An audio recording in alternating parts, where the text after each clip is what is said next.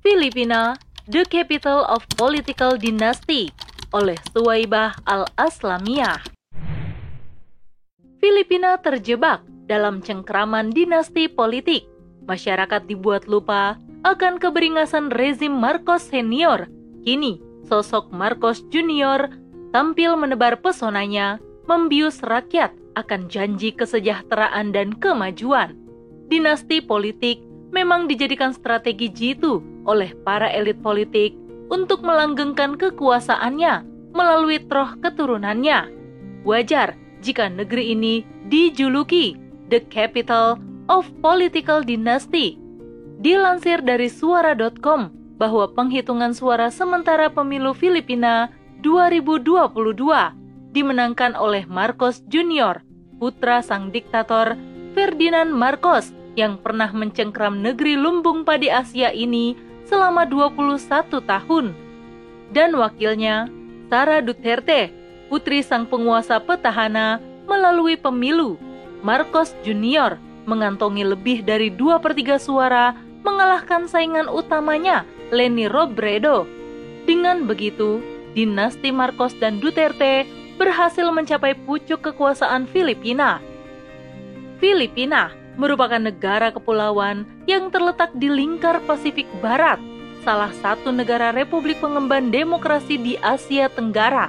Negara ini mengembangkan sistem cocok tanam padi yang sangat maju hingga dijuluki lumbung padi Asia. Filipina merupakan koloni kerajaan Spanyol, baru menjadi provinsi Spanyol pada 1821 hingga 1898. Negara ini dinamai Filipina setelah diperintah oleh penguasa Spanyol, Raja Felipe II. Gerakan Katipunan sukses mendeklarasikan kemerdekaan Filipina dari Spanyol pada 1896. Namun sayang, setelah lepas dari Spanyol, Filipina jatuh ke pangkuan Amerika Serikat. Selama Perang Dunia Kedua, Jepang menginvasi Filipina. Namun, Amerika Serikat berhasil merebutnya kembali pada tahun 1945. Kemudian di tahun berikutnya, Amerika Serikat resmi mengakui kemerdekaan Republik Filipina pada 4 Juli 1946.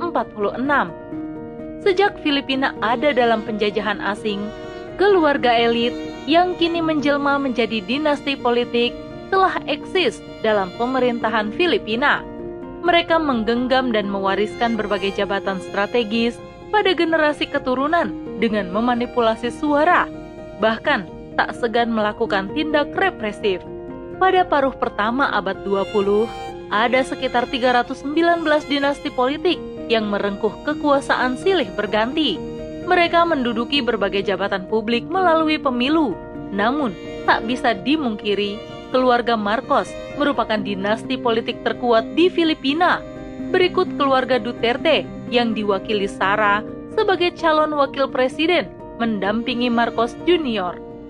Keluarga Marcos memang mempunyai reputasi politik yang kontroversial.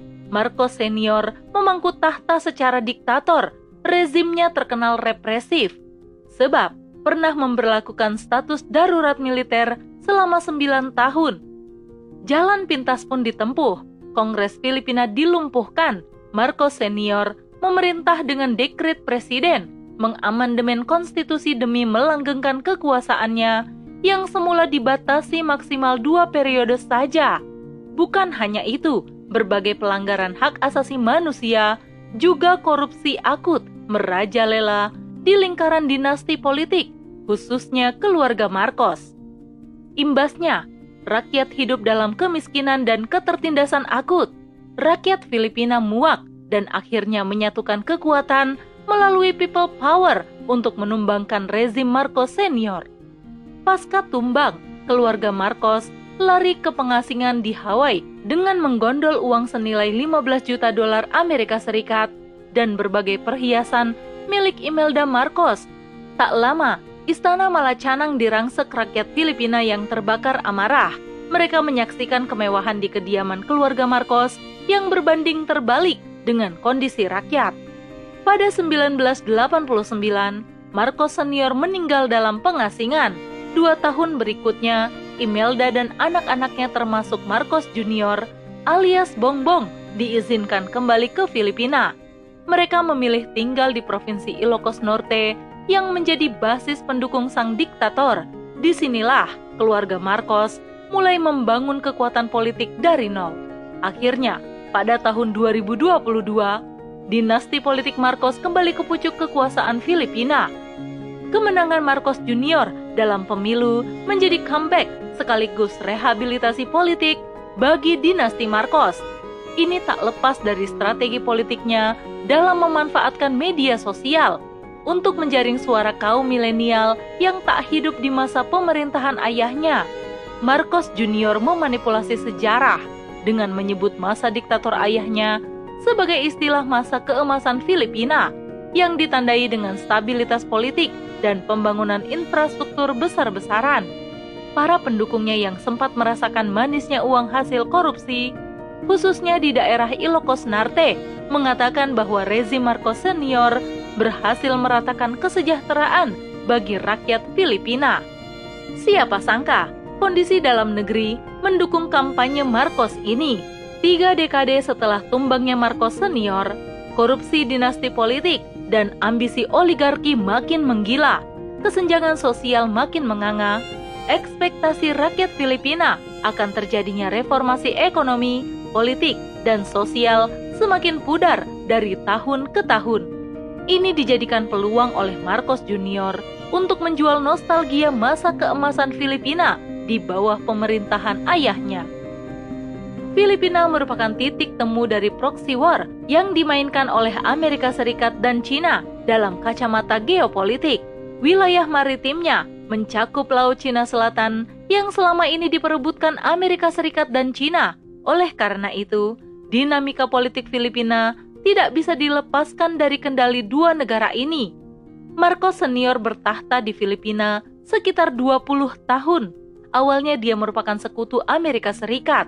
Namun, sejak tahun 1975, mulai berpaling ke Cina aksi People Power rakyat Filipina tahun 1986 tidak berdiri sendiri. Tentu saja ada kekuatan besar di belakangnya. Siapa lagi kalau bukan negeri Paman Sam? Termasuk kemenangan Marcos Junior saat ini, diduga ada invisible power dari negeri tirai bambu. Rupanya Marcos Junior memang memiliki kedekatan dengan Cina sejak belia. Ibunya kerap kali membawanya ke Beijing sebagai upaya soft approach sekaligus memuluskan bisnis keluarganya di negara ini. Sebaliknya, hubungan Marcos Junior dengan Amerika Serikat terbilang renggang, tampak jelas keberpihakan rezim di Filipina saat ini condong ke arah mana. Negara berkembang memang sulit lepas dari cengkraman kapitalisme barat dan timur. Tak hanya Filipina, Indonesia pun mempraktikkan hal yang sama di negeri Zamrud Katulistiwa ini, lahirnya dinasti politik merupakan hal yang lumrah dalam kontestasi demokrasi. Para elit politik menghalalkan money politik untuk membeli hati rakyat. Kekuasaan yang paling banyak diincar dinasti politik adalah eksekutif dan legislatif. Kekuasaan yang dilahirkan kental dengan budaya feodal yang syarat dengan kediktatoran dan praktik monopoli atas birokrasi pemerintahan, anggaran, dan sumber daya alam. Dinasti politik dianggap sebagai jalan pintas untuk meraih ambisi kekuasaan. Kandidat doktor politik Universitas Northwestern Amerika Serikat, UST Kenawas, mengungkapkan bahwa keberadaan dinasti politik dan partai politik ibarat botol yang bertemu tutupnya. Keduanya klop dan saling melengkapi, sehingga terjadi simbiosis mutualisme dinasti politik butuh partai untuk bernaung, sebab jalur independen jauh lebih beresiko dalam tahap penyaringan dan verifikasi. Sementara itu, kebutuhan parpol akan dinasti politik dalam hal pembiayaan operasional partai. Dinasti politik menyempitkan peluang kalangan lain berkontestasi dalam jalur pemerintahan, kecuali dia memiliki kedekatan dengan oligarki dan dukungan penuh dari para pengusaha kapitalis.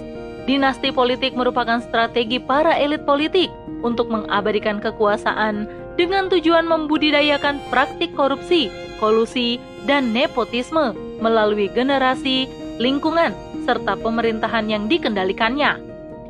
Demokrasi menjadi habitat asli dinasti politik. lihat bagaimana ia tumbuh subur dan merekah dalam sistem ini. Sebab demokrasi merestui kehadirannya, bahkan konstitusi tidak pernah mengeluarkan larangan dinasti politik ikut berpartisipasi dalam pemilu. Lemahnya pembinaan dan pengkaderan partai pun ikut andil. Walhasil, brand keluarga lebih dipertimbangkan ketimbang partai. Gayung bersambut, masyarakat pun tidak anti terhadap dinasti politik. Inilah kondisi yang disetting demokrasi dalam menumbuh suburkan politik dinasti politik. Demokrasi memang menjadi biang masalah demi sebuah eksistensi. Demokrasi memberi lahan bagi dinasti politik untuk berkolaborasi secara intim dengan money politik, kapitalisme media, dan patronasi politik. Ini wajar mengingat demokrasi lahir dari akidah sekulerisme yang menjadi landasan sistem kapitalisme. Sistem kapitalisme menjunjung tinggi prinsip-prinsip liberal. Ada empat pokok liberal yang dianut, yakni kebebasan beragama, kebebasan berpendapat, kebebasan berekspresi, dan kebebasan kepemilikan. Inti dari liberalisme adalah kebebasan individu. Begitu pula halnya dengan politik. Inti dari politik adalah hak-hak individual. Oleh karena itu, dinasti politik bukan hanya diizinkan, bahkan wajib dibela. Sebab hal itu dianggap sebagai bagian dari hak individu yang bersifat krusial. Oleh karena itu, mendambakan suatu negara yang terbebas dari cengkraman dinasti politik merupakan sesuatu yang mustahil jika demokrasi kapitalis masih menjadi sistem pemerintahannya. Sesungguhnya, dunia saat ini sedang mengalami krisis kepemimpinan global. Kapitalisme dan komunisme nyatanya gagal memenuhi harapan rakyat. Harapan terakhir tertumpu pada Islam. Lantas, bagaimana pengaturan Islam dalam memosisikan penguasa sebagai periayah umat agar tetap on the track? Mengingat sejarah pun mengguratkan kepemimpinan berdasarkan terah pernah terjadi di masa khilafah. Kepemimpinan dalam Islam jauh dari fakta politik dinasti yang syarat korupsi. Islam mewajibkan penguasa untuk memenuhi tujuh kriteria, yakni muslim, laki-laki, balik, berakal, merdeka, adil, dan kafa'ah atau kompeten. Adil maknanya terikat dengan syariat Islam, sedangkan memutuskan perkara dengan adil artinya selain individunya adil, juga harus menerapkan sistem yang adil. Allah Subhanahu wa taala berfirman dalam surat At-Tolak ayat 2 yang artinya dan persaksikanlah dengan dua orang saksi yang adil di antara kalian. Untuk memenuhi kriteria adil, seorang calon pemimpin dalam Islam akan diteropong rekam jejaknya sepanjang hayat. Utamanya, dalam proses pemilihan pemimpin dalam Islam, tidak perlu menghambur-hamburkan waktu dan dana, sebab waktunya sangat singkat, prosedurnya cepat dan sederhana. Pun demikian halnya dengan kriteria kompeten atau kefaah. Maknanya memiliki kapasitas dan komitmen untuk mengemban amanah kepemimpinan untuk mengemban amanah kepemimpinan dalam ranah kekuasaan. Seorang calon pemimpin akan disoroti kelihayannya dalam mengurusi urusan umat berdasarkan track record siroh politiknya. Islam menutup peluang politisi karbitan naik ke panggung kekuasaan Islam, sebab calon pemimpin haruslah seorang negarawan yang visioner dan memahami konstelasi global. Kriteria adil dan kompeten pada calon pemimpin akan mampu mencegah praktik dinasti politik yang rawan korupsi dan kesewenang-wenangan Jikapun terjadi penyimpangan model politik dinasti dalam torehan sejarah kehilafahan masa lalu, ketahuilah bahwa itu bukanlah ajaran Islam, melainkan malpraktik syariat yang tidak perlu ditiru, apalagi menjadi rujukan di masa depan. Khotimah Kepemimpinan yang direkomendasikan Islam adalah khilafah, dengan khalifah sebutan sebagai kepala negaranya.